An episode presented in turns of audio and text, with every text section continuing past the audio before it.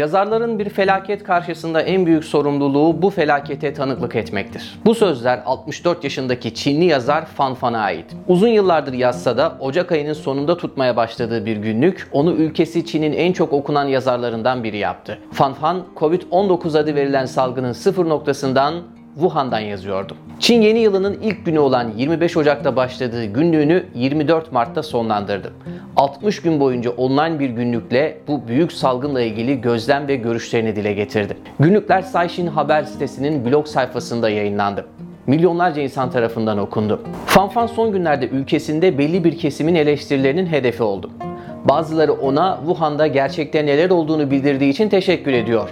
Diğerleri onu kıyamet günü senaryoları yaratmak ve kulaktan dolma gerçeklerle sosyal paniğe neden olmakla suçluyor. Bu eleştirilere geçmeden önce henüz kitap olarak basılmamış günlüğün mahiyetine bir bakalım. Fanfan günlüğü tamamladıktan sonra Saishin'e verdiği röportajda Wuhan'ın kilitlenmesinin en çok insanların zihnine etkilediğini söylüyordu. Durumun Wuhan sakinleri için ne kadar yıkıcı olduğunu görmek bizi çok kızdırdı diyordu.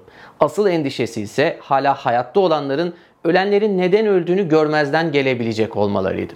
Fanfan'ı bu süreçte en çok etkileyen şeyler sağlık çalışanlarının cesareti ve Wuhan halkının dayanma gücüydü.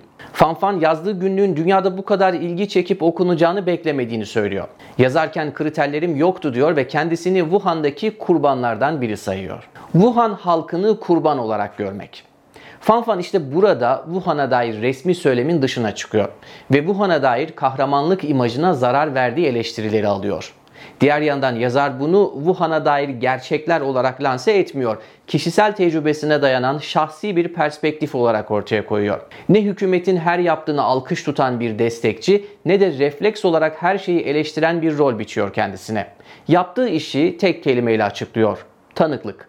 Virüse karşı bir halk savaşı ilan edilmişken yazar günlüğünde düşman sadece virüs değil diyor. Bu noktada sıradan insanın suç ortaklığına da dikkat çekiyor.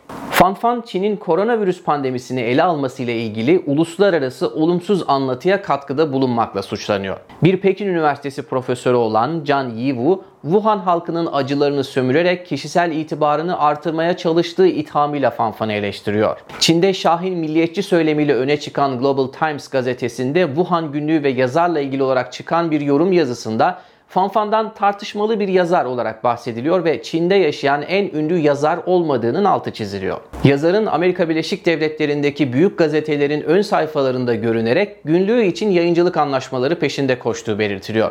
Ancak makale bu günlüğün Çin halkının Covid-19 salgınıyla mücadele çabalarını sabote etmek için kullanışlı bir araca dönüşebileceği konusunda bir endişe olduğuna dikkat çekiyor ve Fanfan'ın Batı medyasında Çin'in siyasi sistemine karşı savaşan bir savaşçı olarak tasvir edilmesinin endişe verici olduğunu ekliyor. Aynı yorumda Fanfan'ın yazarlığıyla ilgili eleştiriler de eklenmiş. Malzemesi eksik ve kaynaklarının çoğu kulaktan dolma bulunmuş. Yine Global Times yorumundan 208 sayfalık günlüğün dünyanın en büyük ikinci kitap yayıncısı HarperCollins tarafından yayınlanacağını, yayın evinin merkezinin New York'ta bulunduğunu ve 17 ülkede yayıncılık faaliyetleri yürüttüğünü öğreniyoruz. Global Times'ın manidar bulduğu bir diğer husussa kitabın Almanca baskısının 4 Haziran'da yayınlanacak olması.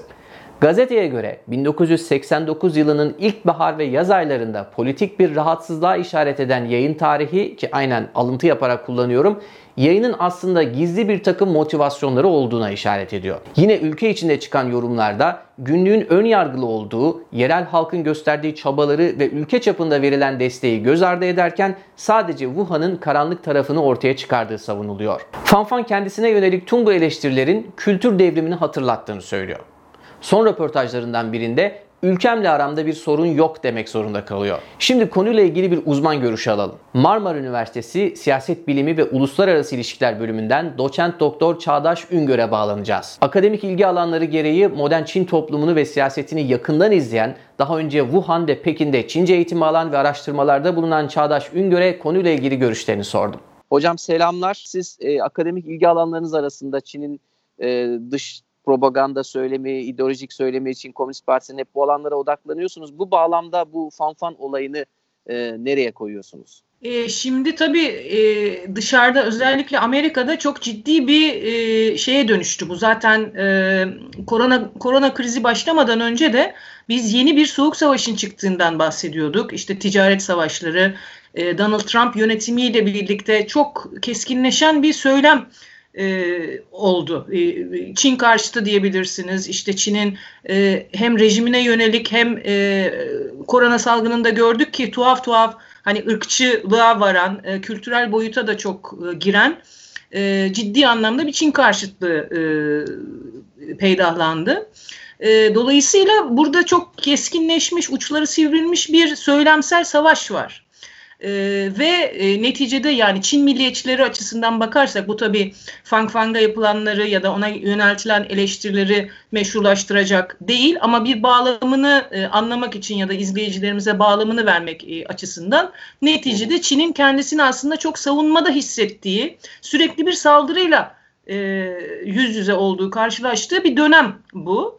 E, Ma Mafi Çin milliyetçi söylemi ya da bu batıya e, siz silah tedarik ediyorsunuz yahut Batı'nın maşası oluyorsunuz gibi söylemler yeni de değil. 90'lardan beri aslında Çin milliyetçiliği e, bir şekilde e, pompalanıyor. Gerek e, propaganda teşkilatı, gerek medya, gerek e, eğitim e, kanallarından zaten pompalanmakta olan bir e, yurtsever duygu, işte milliyetçilik vesaire e, söz konusu. Bunun da tabii çok değişik kesimler tarafından e, sahiplenildiğini görüyoruz. Yani bu ortalama bir Çin vatandaşı da bunu sahipleniyor ama resmi makamlar da bunu farklı farklı kanallardan e, pompalıyor.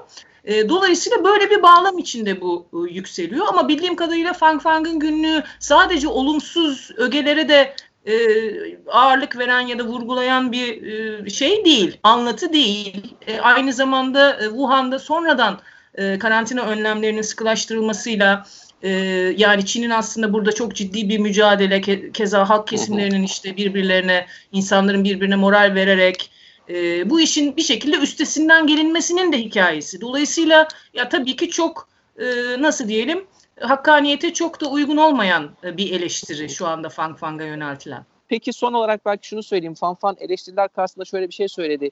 E, bana biraz kültür devrimini hatırlatıyor dedi. Burada ne demek istiyorsun ee, diye Fanfen? e, burada burada sanırım o zaten e, çok ileri e, radikal sol gibi bir tabir evet. kullanıyor. E, kendisine yöneltilen eleştiriler hatta böyle bir, neredeyse bir mobbinge, linçe dönüşmüş bir e, eleştiri e, rüzgarı var Çin'de. Sosyal medyada e, ağırlıklı olmak üzere.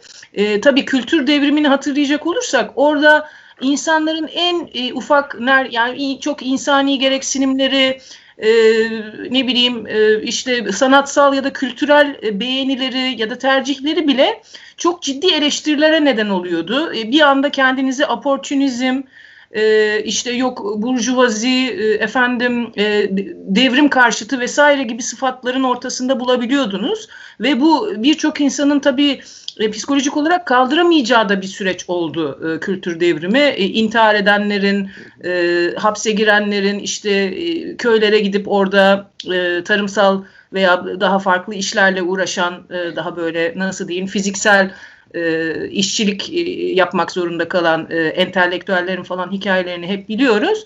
E, Fang Fang da o dönemleri tabii hatırlıyor. E, yani bu e, kolektif hafızada çok da eski değil e, aslında Çin için şu anda Çin'de belli bir yaşın üstündeki kesim için. E, en azından hikayeler anlatılmış, kendileri bizzat yaşamadıysa bile. E, dolayısıyla bence aslında o linç ve mobbing unsurunun e, kültür devrimi tabii tamamen bunlara indirgenemez ama onları hatırlatması başlı başına olumsuz bir şey ve e, umarım neticede bu yazarın bunu Çince bastırmak gibi anla, anladığım kadarıyla yayınlatmak gibi bir e, imkanı da yok şu anda. E, dolayısıyla buna yani talip olacak bir Çin yayın evi herhalde şu şartlarda e, yok. E, Aslında vazgeçmişler. Yani 8 yayın evi ilgilenmiş fakat bu eleştirilerden sonra evet. şu an durmuşlar yani bu resmi makamları da arkasına alan bu rüzgarı yani göğüsleyebilecek pek yayın evi olacağını zannetmiyorum. E, dolayısıyla yani neticede yazarın kendi okur kitlesine dünyada da olsa Çin'de de olsa e, ulaşma çabası var. Bunu son derece e, anlayışlı ve şeylikle karşılamak lazım. E, olumlu bir şekilde karşılamak lazım. Ve dediğim gibi bu linç ve mobbing boyutu yani umarım şahsına bir zarar gelmez ve bu iş bir şekilde sönümlenip e, gider. Peki çok teşekkür ediyorum hocam değerli katkılarınız, görüşleriniz için. Sağ olun. Global Times makalesinde fanfana getirilen eleştirilerden biri yazarın niyeti öyle olsa da olmasa da yazdığı günlüğün batı için bir silah olarak kullanılacak olması. Esasen burada bir yazar için çok acı bir tablo ortaya çıkıyor. Metnin içeriğiyle pek de ilgilenilmiyor. Mesele neye hizmet edeceği meselesi gibi gösteriliyor ve bunu hesaba katması gereken de günlüğün yazarı oluyor. Fanfansa bu konuda şöyle diyor. Eğer birileri kitabımı kendi amaçlarına alet edeceklerse ben ne yazarsam yazayım bunu yine yaparlar. Aslında yazarın haklı olduğu şöyle bir konuda var. Bu günlüğü Batı medyası Çin'in salgınla mücadelesini karalamak için pekala kullanabileceği gibi Çin medyası da yine günlüğü kullanarak salgınla ilgili resmi retoriği güçlendirmiş oluyor. Yani iki taraf da günlüğü kendince kullanıyor. Bu metin için sadece bir günlük değil diyenler olabilir. Halbuki bir yazarın günlüğü yazdıklarına katılın yahut katılmayın nihayetinde sadece bir günlüktür. Bir yazarın günlük tuttuğu için kendisini savunmak zorunda kalması yeterince abes. Bu toplum daha iki ay önce Dr. Li Wenlian için yas tutmuştu. Dr. Li Wenlian'ın son sözlerinden biri şuydu. Sağlıklı bir toplumda tek bir ses olamaz. Ez cümle, sağlıklı bir toplum sadece dezenfekte edilmiş alanlara, maskeli insanlara ihtiyaç duymaz. Ortak aklın önünü açan farklı seslere de ihtiyaç duyar. Kalın sağlıcakla.